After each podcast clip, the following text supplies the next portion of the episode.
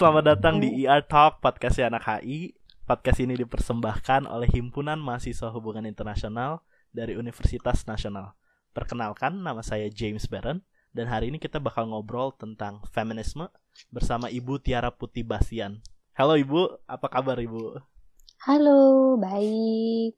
By the way, bagi yang belum kenal dengan Ibu Tiara, beliau merupakan dosen Universitas Nasional yang mengajarkan hubungan internasional pastinya dan juga beliau memiliki fokus kajian di masyarakat transnasional. Nah, hari ini kan kita bahas feminisme nih. Uh, kita langsung aja nih masuk ke pembahasan Ibu. Uh, ada banyak uh, spekulatif dan juga misrepresentasi dari definisi dan konsep feminisme, terutama di kalangan kita ya anak muda yang baru kenal, baru tahu feminisme itu apa. Ada yang bilang feminisme itu gerakan yang anti laki-laki, ada yang bilang feminisme itu it's all about angry woman dan seterusnya. nah, bagaimana Ibu mendefinisikan feminisme sebagai teori di dalam hubungan internasional dan juga how do you define feminist as a social movement? Oke, okay. uh, eh, jadi pertama-tama kita set back dulu tuh ke sejarahnya si feminisme ini. Emang feminisme ini something yang coming from the west ya. Jadi mungkin karena itu ada beberapa orang yang beranggapan uh, feminis yang berbau barat-barat ini kurang cocok dengan hal yang keasia-asiaan di mana perempuannya binded by more norms and religions things and stuff like that ya. Uh, kemudian karena dia berasal dari barat ini, itu awalnya tuh dari Perancis di mana ketika wanita-wanita Perancis itu melihat kok uh, ini di revolusi yang terjadi di Perancis ini kita perempuan nggak punya uh, ya porsi politik sama. Nah, dari barat itu terus berkembang, berkembang kajian itu tentang pemahaman politik pertamanya, bahwa perempuan itu pengen ikut serta. Dia tuh harus punya power yang sama di politik gitu loh. Dari situ dia eh, ranahnya berkembang lagi ke macam-macam gitu. Itu ada banyak tulisan tentang sejarah feminisme ya, yang tulisannya itu menarik semua. Memang itu awal-awalnya kejadiannya dianggap kemunculannya di barat gitu. Sebenarnya ketika ini masuk ke wilayah Asia, uh, definisi feminisnya itu esensinya itu bukan sesuatu yang uh, perempuan itu harus sama semuanya sama laki-laki, enggak gitu. Kenapa? Karena perempuan dan laki-laki itu memang dari awal dibedakan bentuknya, dibedakan uh, secara fisiknya, itu bukan sebagai sebuah kekurangan ya, True. tapi untuk saling melengkapi gitu loh. Jadi kalau ngerasa kayak, oke okay, sekarang tuh feminisme, gue bisa apa aja, gue bisa jadi binaraga, itu benar, kalian bisa jadi apa aja. Cuma jangan lupa ada porsinya. Hmm. Kenapa ada porsinya? Sekali lagi, laki-laki dan perempuan itu kondisi fisiknya itu berbeda dari awal. Misalkan nih, laki-laki tuh masa ototnya tuh lebih banyak dari perempuan. Jadi bikin laki-laki itu lebih strong secara fisik Walaupun tidak dipungkiri banyak perempuan yang secara fisik juga kuat gitu. Cuman uh, dalam beberapa kondisi fisik itu nggak bisa kita pungkiri ya. Nah, hmm. itu dari itu baru dari kondisi fisik, belum lagi yang lain. Misalkan lagi perempuan itu yang dititipin indung telur buat melahirkan, buat menciptakan generasi baru itu perempuan kan. True. Makanya mereka itu saling melengkapi. Coba kalau misalkan laki-laki juga punya indung telur gitu, jadi laki-laki hemaprodit gitu, dia bikin anak sendiri, gitu. kan nggak lucu kan? Yeah, yeah. Ya nggak sih? Makanya di sini tuh uh, posisinya tuh mereka harus saling melengkapi. Jadi kalau ditanya, menurut versi saya apa itu feminisme? Feminisme itu adalah sebuah kebebasan buat perempuan kebebasan buat berpikir, kebebasan buat bertindak, kebebasan untuk melakukan pekerjaan sesuai potensi yang dia punya. Jadi dia tahu, oh gue tuh potensi gue tuh ini, oh gue tuh bisa ini. Sesuai kodratnya. Dengan catatan, masih sejalan dengan norms dan value. Kenapa saya tekankan kita harus sejalan dengan norms dan value? Karena awalnya, pembentukan norms dan value ini, kalau menurut perspektif konstruktivis, anak-anak HI yang udah dapat kelas Mas Trans harusnya udah tahu nih konstruktivis ini apa.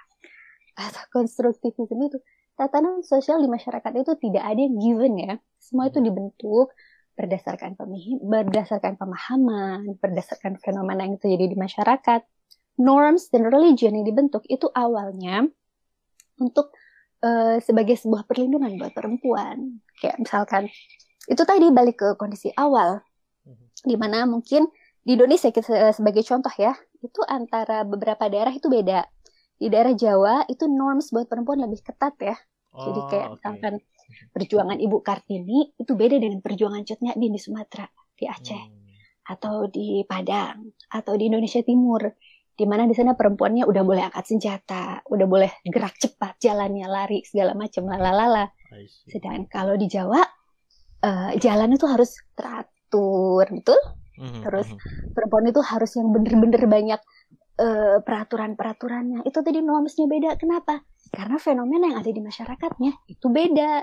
Jadi kayak Hmm. aturan segala macamnya itu beda. Nah, di sini balik lagi. Kenapa saya bilang definisi feminisme adalah kebebasan buat perempuan? Jadi gini, perempuan itu eh, dianugerahi akal, potensi diri, terus semua yang sama dengan laki-laki. Mhm. Jadi ketika dia tahu, oh gue tuh eh, bisa di sini gitu, dia pengen begini. Nah itu yang boleh dia perjuangkan. Tapi dia nggak bisa. Eh, di feminisme radikal, pemahaman feminisme radikal itu udah sampai yang gue nggak mau punya anak. Karena gue punya Iya. anak itu akan merampas hak tubuh gue gitu. Wow. itu tuh dia lupa. Dia situ dia lupa. Dia punya kodrat. Kalau ternyata sebagai sebuah perempuan dia tuh memegang peran yang sangat penting di masa depan. Kalau ternyata dari badannya dia dia akan melahirkan generasi-generasi pemimpin di masa depan. Kalau dari dirinya itu dia punya potensi untuk menciptakan perdamaian dunia mungkin lewat anak-anaknya atau ilmunya atau apalahnya itu namanya. Mhm. gitu. Jadi sekali lagi feminisme itu adalah sebuah kebebasan buat perempuan Mhm. kebebasan buat bekerja, berusaha, menentukan kehidupan dan segalanya, tetapi sejalan dengan kodratnya. Iya. Gitu. Dan Bu, uh, di beberapa jurnal dan artikel, uh, mereka de- define feminis itu sebagai gerakan yang sangat dinamis. Bahkan saking dinamisnya, uh, aliran-aliran feminis ini muncul divisi-divisi kayak tadi liberal feminist, radical feminist, ada mungkin feminazi dan seterusnya. Tapi dalam hubungan internasional, apakah kita juga menggunakan terminologi feminis yang eksklusif ini sebagai uh, alat teori analisa kita atau tidak? Iya jelas. Jadi Hmm. kita kan menganalisa nih. Jadi kita melihat satu gerakan nih. Oh oke gue mau angkat eh, masalah feminisme nih untuk eh, eh, eh, makalah gue atau eh, skripsi gue gitu. Nah terus kita mau lihat feminisme yang apa? Kita mungkin melihat oh ada gerakan yang sempat waktu itu eh, perempuan-perempuan di Indonesia yang bikin hashtag. Untungnya nggak sampai terlalu populer ya. Unfeminist Indonesia gitu. Oh. Kenapa? Iya, jadi eh, mereka tuh melihat feminis tuh nggak perlu ada di Indonesia karena feminisme itu adalah sesuatu yang bukan Indonesia, sesuatu yang bukan Asia. Di sini ada pemahaman yang keliru. Nah, kalian mau mengkaji ini, berarti kalian pakai pendekatan apa gitu misalkan? Oh, mungkin kalian bisa pakai pendekatan teori feminisme radikal. Jadi si kelompok ini melihat feminisme itu semata-mata hanya diartikan dari feminisme radikal. Mereka belum tahu kalau ternyata ada feminisme liberalism, ada feminisme Marxist, and many more gitu loh. Kalau feminisme itu banyak cabangnya gitu. Mhm. Hmm, By the way, tadi kan gitu. ibu juga uh, membedakan nih uh, gender role ya. Jadi kayak Yes. growing up itu ya setiap kita punya biologis yang berbeda-beda dan kemampuan yang berbeda-beda. Uh, tapi di masyarakat kita, kita waktu grow up pasti laki-laki pernah nih di instill uh, nilai-nilai yang laki-laki itu harus jadi pemberani, harus menjadi kuat, harus menjadi alpha male. Sedangkan perempuan harus didorong jadi penurut, nggak boleh agresif, kemudian perempuan harus ladylike. Nah, apakah stereotip seperti ini yang kemudian mengakibatkan generalisasi bahkan ke tahap diskriminasi bahwa uh, laki-laki itu punya uh, apa ya kondisi yang lebih superior daripada wanita yang menjadi inferior? Eh, itu namanya eh, konstruktivis di masyarakat ya, konstruktivis sosial gitu. Di beberapa daerah mungkin hal itu ber- memang berperan gitu lah. Cuman sekarang kalau kalian amati itu mulai bergeser loh Hmm. tatanan konstruktivisnya. Coba lihat. Sekarang kita bisa lihat ada alpha female. Alpha female itu bisa dilihat di mana kalau di komunitas sekolah atau kampus atau di kantor kita lihat Mhm. oh ternyata ada perempuan yang menonjol. Oh ternyata dia menonjol di sini. Pasti ada di setiap angkatan kampus lah yang alpha female atau setiap kerjaan pasti ada generasi alpha female. Kemudian kalau ditanyakan apakah karena dikotomi itu menjadikan kalau perempuan itu dianggap selalu lebih lemah, mungkin bukan karena dikotomi ya, Mhm. tetapi lebih karena eh, ke peranan fisiknya gitu. Oh dia perempuan gitu loh. Jadi dia tuh harus dilindungin. Jadi dia tuh harus harus begini begini begini yang menjadikan seolah-olah perempuan itu adalah sesuatu makhluk yang lemah, Mhm. yang nomor dua kelasnya gitu-gitu. Eh, di beberapa di beberapa hal gitu, misalkan dalam perang, dalam dalam kajian HI, perang memang perempuan dan anak-anak itu masuk ke kajian khusus ya. Jadi mereka tuh kalau misalkan laki-lakinya berperang ada undang-undang untuk melindungi anak-anak dan perempuan gitu loh. Nah, jadi hal-hal seperti itu awalnya, awalnya itu adalah untuk menunjukkan kalau perempuan itu punya sisi lemah lembut yang nggak cocok ketemu sama sisi karakter laki-laki yang keras gitu. Yeah. Hmm. Cuman sejalan dengan waktu si uh, male leader yang ngerasa ah lu mah cuma nomor dua doang. Nah di sini ada prinsip yang salah. Hmm. Tetapi pergeseran di zaman sekarang ini, kalau menurut saya ya, kalau kalian amati Uh, tapi ini cuma cenderung terjadi di kota-kota yang iya, besar ya. Urban ya, di urban. Iya. Uh, konstruktivis sosialnya mulai berubah gitu loh tatanannya. Kayak misalkan bahkan ada laki-laki yang ngerasa inferior sama perempuan. Ah, lu mah, lu mah udah beginian lah, ah, lu mah udah beginian lah kata si laki-laki. Yeah. Ya, cuman ironisnya memang uh, di beberapa daerah yang belum terlalu maju, yeah, yang masih ya, ya hmm. seperti itu memang uh, pemahaman tentang kalau perempuan itu punya hak yang sama untuk sekolah, punya hak yang sama untuk kerja, punya hak yang sama untuk bicara gitu uh, belum uh, merata seperti di daerah-daerah yang besar. Jadi konstruksi sosial ini perlahan akan bergerak kok, mm-hmm. saya yakin. Oke, okay, berarti Karena sekarang coba lihat mulai banyak pemimpin-pemimpin wanita kok di dunia. True, true. Uh, berarti hmm. feminisme ini kan punya uh, tujuan untuk merekonstruksi uh, society lah ya ke masyarakat kita dan bahkan yes. permasalahan ini kan udah universal jadi kayak dulu mm. diskriminasi terhadap perempuan nih udah luas banget sampai perempuan nih udah muak akhirnya mereka bentuklah suatu gerakan called feminism. Nah, mm dan perubahan itu kan sedang terjadi nih sekarang. Uh, bagaimana ibu mendefinisikan gerakan dan kesadaran feminisme di Indonesia nih? Apa yang bikin Indonesia berbeda atau mungkin sama dari negara-negara lainnya? Especially di rural ya yang orang-orang mungkin nggak punya banyak akses terhadap edukasi yang uh, terbaru jadi mereka masih menganggap nilai-nilai dan budaya yang lama itu lebih uh, konsis apa ya kons konsisten lebih uh, merasa lebih pantas daripada yang terbaru. Oke, okay. uh, satu hal yang sebenarnya harus harus mulai dipahami oleh para wanita-wanita ini ya, baik hmm. itu di kota atau di desa atau di mana mereka itu sebenarnya udah jadi feminis ketika mereka berjuang buat keluarga mereka. Kayak misalkan gini pilihan di daerah daerah-daerah di desa-desa gitu. Buat seorang ibu yang bekerja udah hmm. bekerja terus dia harus ngurus anaknya dia tuh punya power loh yang ternyata dia nggak sadar. Tapi dia ngerasa masih inferior dia masih ngerasa oh ya gue cuma nomor dua gitu. Suami gue yang nomor satu atau bapak gue yang nomor satu atau siapalah laki-lakinya di situ. Feminisme itu luas ya. Jadi bukan hanya perempuan yang bekerja hanya perempuan yang sekolah hanya perempuan enggak jadi ketika seorang single mother yang dia bisa fight buat anaknya sampai sekolah, mm-hmm. yang dia bisa fight untuk kasih makan anak-anaknya, itu di feminisme. Dia punya gerak potensi yang gak ada batasnya gitu loh. Mm-hmm. Atau ketika seorang ibu yang memilih, oke okay, gue gak kerja gitu, atas kesadaran diri ya, bukan mm-hmm. karena disuruh suami atau siapa itu beda cerita gitu, atas kesadaran diri, oke, okay, gue akan jadi madrasah pertama buat anak gue, gue akan jadi sekolah pertama buat anak gue. Jadi gue milih, gue fokus untuk anak-anak gue gitu. Itu dengan kesadaran penuh dia punya tanggung jawab di situ. Itu juga ada feminisme. Contoh lain di Indonesia pakai jilbab. Itu tahun 90-an kalian bukan anak 90-an sih ya. Jadi tahun 90-an itu nggak nggak segampang ini orang pakai jilbab. Nggak ada instansi ah. pemerintah yang pakai jilbab. Nah sekarang kalau kalian lihat semuanya bisa gampang pakai jilbab, itu juga sebuah gerakan. Itu juga bukti sebuah gerakan kalau ada suara-suara perempuan yang mm-hmm. kita punya hak untuk pakai jilbab loh di tempat kerja.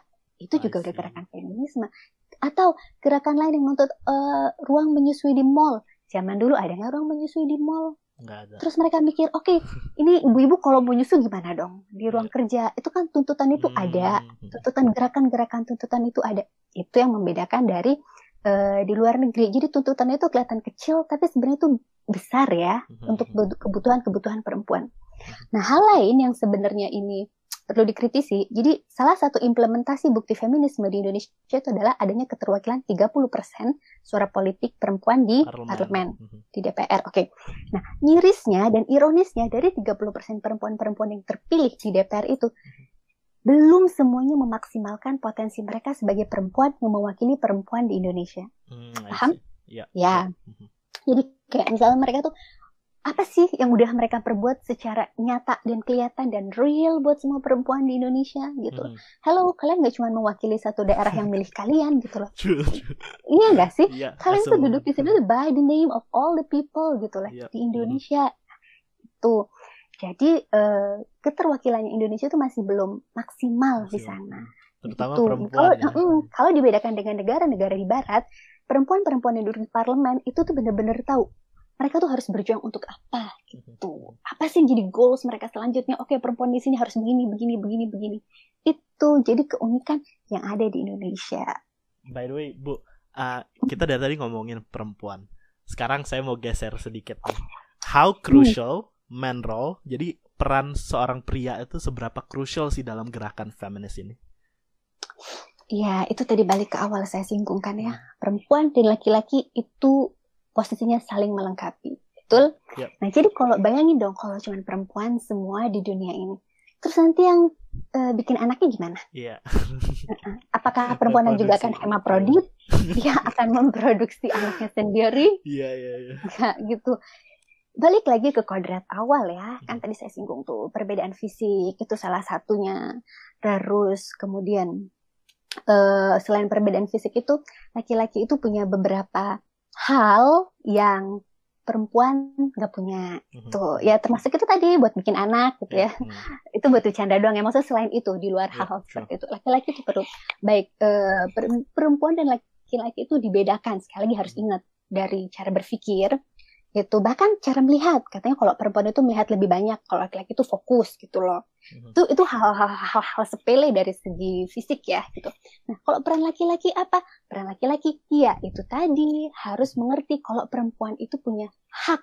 Yeah. punya hak yang harus dunia denger laki-laki. Hore gitu loh. Ini mm-hmm. perempuan ini pengen pengen apa gitu. Dengerin maunya apa gitu. Mm.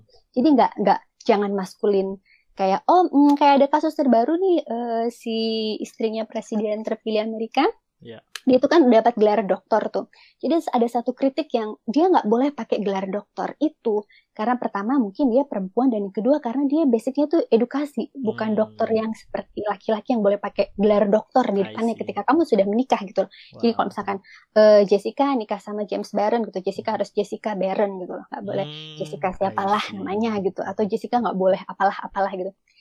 Itu yang harus di, uh, dilihat laki-laki itu lebih peka gitu. Nah, untuk untuk Indonesia itu lebih kompleks lagi ya. Hmm. Karena kenapa lebih kompleks? Laki-laki itu masih ngerasa superiornya tuh lebih tinggi dari perempuan tuh khususnya di daerah-daerah itu masih yang Allah perempuan, Allah perempuan yeah. gitu ya. Yeah. Jadi perjuangan untuk menyadarkan laki-laki kalau perempuan punya hak mm-hmm. gitu loh. Mm-hmm.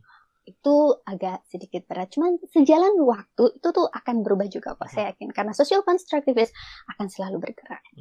Mm-hmm. Ya, itu mungkin juga uh, simplify. Jadi bagi kalian nih pria-pria juga yang dengar uh, being a feminist itu bukan hanya menjadi seorang wanita. Bahkan kalian sebagai pria bisa ngikut gerakan-gerakan feminis, speak out about feminism, uh, berdiri, stands with them, uh, embrace the ideas and values untuk supaya kita tuh bisa berubah uh, bersama-sama menjadi uh, sos, uh, masyarakat yang lebih uh, setara, lebih equal to the point that kita bisa sukses bersama-sama. By the way Bu, uh, in my research uh, aku kan uh, came across buku yang ditulis Etienne Anwar yang berjudul A Genealogy of Islamic Feminism.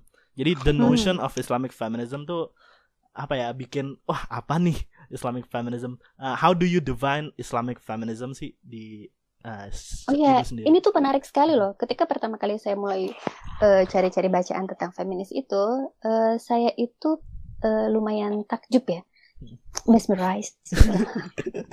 Ternyata Islam itu adalah agama yang sangat sangat uh, ini kan perempuan loh. Jadi ketika di barat itu baru muncul uh, gerakan perempuan, gerakan yeah. perempuan lalala, Islam itu udah dari awal menunjukkan perempuan itu ada. Mm-hmm. Contohnya nih, dia itu uh, untuk laki-laki dan perempuan disebutkan. Terus bahkan dia punya ayat yang menyebutkan untuk perempuan bisa gitu. Yeah.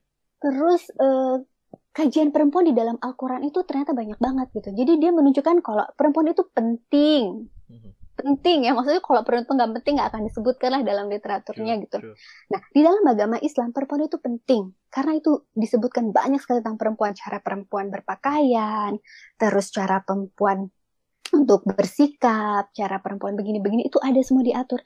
Dan itu ternyata bukan hal yang mengikat ya. Mm-hmm. Kalau orang ikat, Uh, jadi ada satu gerakan radikal feminisme yang menolak perempuan-perempuan berjilbab untuk di, dikategorikan sebagai uh, kaum feminis gitu. I see, yeah. Nah di situ menurut saya keliru. Esensinya bukan itu. Esensinya itu adalah gimana ketika seorang perempuan itu mm, menjalankan hak yang dia mau gitu loh. Mm. gue mau pakai jilbab karena ini di sini tuh batas pemahaman gue gitu. Mhm. Di sini keimanan gue, di sini dia tuh punya freedom, freedom, freedomnya untuk meyakini faith whatever she has ya. Mhm. Nah itu makanya yang harus kita support gitu. Makanya sekali lagi eh, buku yang ditulis sama si itu itu bagus banget Mhm. karena dia pertama dia menjelaskan feminisme yang terjadi di Indonesia tuh dari zaman PKI, lalalala Ya, itu itu. mhm.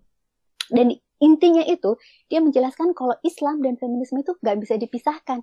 Jadi makanya ketika eh sempat heboh tag yang bikin unfeminist Unfeminist, Indonesia, saya iya. malah mm, mm, saya malah bingung. Ini gimana ya?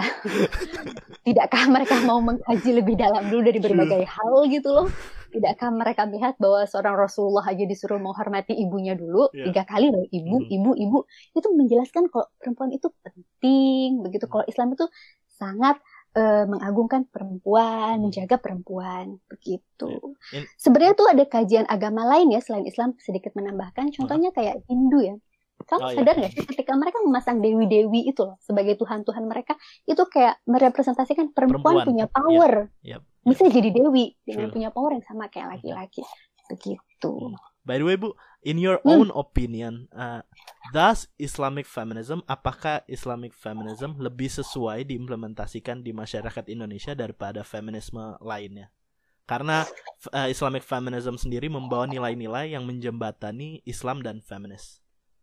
Oke, eh, saya appreciate dengan eh, Islamic feminism ya, itu bagus banget. Cuman kalau untuk diterapkan di Indonesia, hmm, sepertinya itu harus dipikirkan matang-matang karena kita multi religions, kita multicultural. Mungkin konsep yang sama buat kita akan dipahami beda dengan agamanya beda gitu. Mhm. Oke. Ambil garis-garis besar yang sama bisa. Biasanya kan dalam dalam jembatan komunikasi antar agama gitu misalkan komunikasi ag- antar agama, youth intercultural, youth interreligions communication bla bla bla. Mereka ngambil ambil ambil sari yang sama untuk diterjemahkan gitu.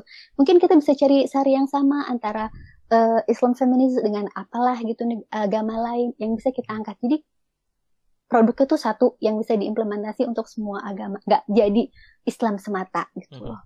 Oke. Berarti jadi dari semua ini yang kita bahas, kita udah bahas kesenjangan yang terjadi gender, eh, yang tercipta karena perempuan dan laki-laki, terus tujuan dari feminis ini untuk mengubah dan kesenjangan ini telah menghambat perempuan untuk utamanya ya untuk dapat akses terhadap resources yang ada dan bahkan dapat dibuktikan dari sejarah ya dahulu perempuan nggak bisa eh, punya hak suara, eh, edukasi, bahkan pekerjaan juga di restrict.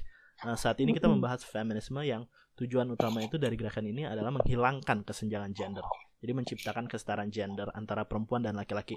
Tapi uh, dari tadi yang kita bahas emang kita fokusnya ke gender yaitu uh, perempuan dan laki-laki. Tapi Bu, apakah konteks gender perempuan dan laki-laki itu suatu hal yang eksklusif atau bahkan gerakan ini juga mendorong adanya kesetaraan terhadap uh, transgender dan komunitas LGBT yang mungkin belum diterima sebagai konotasi gender ya di dalam Mm-mm. Indonesia sendiri. Eh, jadi kalau di zaman sebelum pendekatan postmodernism atau contemporary HI Hmm. itu tuh memang fokus cuma perempuan, perempuan, perempuan. Ya. Tetapi eh, sekarang ini dalam kecenderungan HI yang sekarang ini eh, banyak contemporary feminist yang prefer to concentrate on gender rather than women per se gitu loh. Jadi Hmm, kayak oke. ngeliat, oke eh, hak-hak ini tuh nggak cuman nggak cuman untuk perempuan semata gitu loh, tapi gimana dengan mereka yang kemudian merasa dirinya itu adalah perempuan gitu Hmm. loh. Kemudian kema- kemudian gimana dengan dengan mereka yang ngerasa hak-haknya juga sebagai eh, bias gender or whatever eh, whatever they are gitu ya. Mereka ngerasa ayo kita berjuang sama-sama gitu. Makanya sekali lagi dalam HI itu eh, diingat ya kalau dalam contemporary feminist mereka tuh prefer to concentrate on gender rather than women per se. Woman. Mhm. Bisa dipahami nggak? Ya. mhm. Mm. Jadi kaitannya sekarang lebih luas gitu loh Hmm, dalam kaitan postmodernism. Sekali lagi, itu tuh bisa kita lihat dari perspektif postmodernism dan eh, constructivist, social constructivist. Hmm. Cuman kalau di feminis yang sebelumnya, di sebelum postmodern ini, mereka lebih cenderung melihat kalau feminisme itu dari pendekatan positivis, Mhm. kaum teori positivis. Oke. Uh, I think Hmm. kita udah uh, ngeliput semuanya. Ini pertanyaan-pertanyaan yang mungkin crucial bagi feminist dan juga untuk ngajak teman-teman untuk speak out about feminist and being a feminist. It's okay gitu. Uh, mungkin Ibu ada uh, closing statement buat teman-teman? Eh, buat perempuan sih ya, Oke, oke. buat perempuan eh, khususnya kalau misalkan kalian udah bisa sekolah itu bersyukur banget ya karena masih banyak yang nggak sekolah sebagai seorang perempuan gitu dan seorang laki-laki uh, itu juga harus lebih menghargai perempuan yang punya yang punya pendirian pendidikan yang bagus gitu loh. Hmm. You you have a right to say no gitu. Dalam beberapa hal, uh, saya udah sering mengalami itu ketika mahasiswa curhat atau apa atau apa gitu. Seringkali mereka, uh, bu, saya tuh disuruh gini sama cowok saya gini gini. You have right to say no, oh, ya, gitu loh. Ingat itu, you have right to say no gitu. Kamu tuh nggak terikat dengan siapa pun. Kamu tuh free. Kamu tuh free untuk jadi apa pun yang kamu mau. Selama itu masih sesuai dengan norma dan kodrat kamu gitu loh. Jadi kamu kalau mau sekolah tinggi sekolah tinggi tinggi. Kamu mau kerja di sini kerja di sini jangan ngerasa ada yang batasin gitu loh live life to the fullest mm-hmm. Gitu uh, yang lain yang lain at least ini nggak cuma buat perempuan sih buat mm-hmm. laki-laki juga uh, lakukan sesuatu right, ya. hal uh, uh, lakukan sesuatu hal yang yang kalau bahasa kerennya itu kalian nggak akan sesali nanti. Mm-hmm. Mumpung masih muda loh, ngapain yeah. kayak gitu. Dan itu nggak perlu dipublish di sosmed. Kalau Akbar itu apa lagi? Uh, itu nggak perlu dipublish di sosmed, nggak perlu masuk koran, nggak perlu masuk TV, nggak usah. Yeah. Gitu. Cukup kalian aja yang tahu. At least ada sesuatu dalam hidup kalian yang bermanfaat. Oke, okay. Oke okay, guys, uh, semuanya juga terima kasih buat Ibu Tiara nih udah menyempatkan waktunya untuk jadi narasumber kita di episode ketiga ini. Uh, jangan lupa guys untuk follow social medianya uh, Himahi Unas di @himahi underscore Unas. Sampai jumpa di episode episode selanjutnya. Keep up to date with Himahi Unas. Bye bye.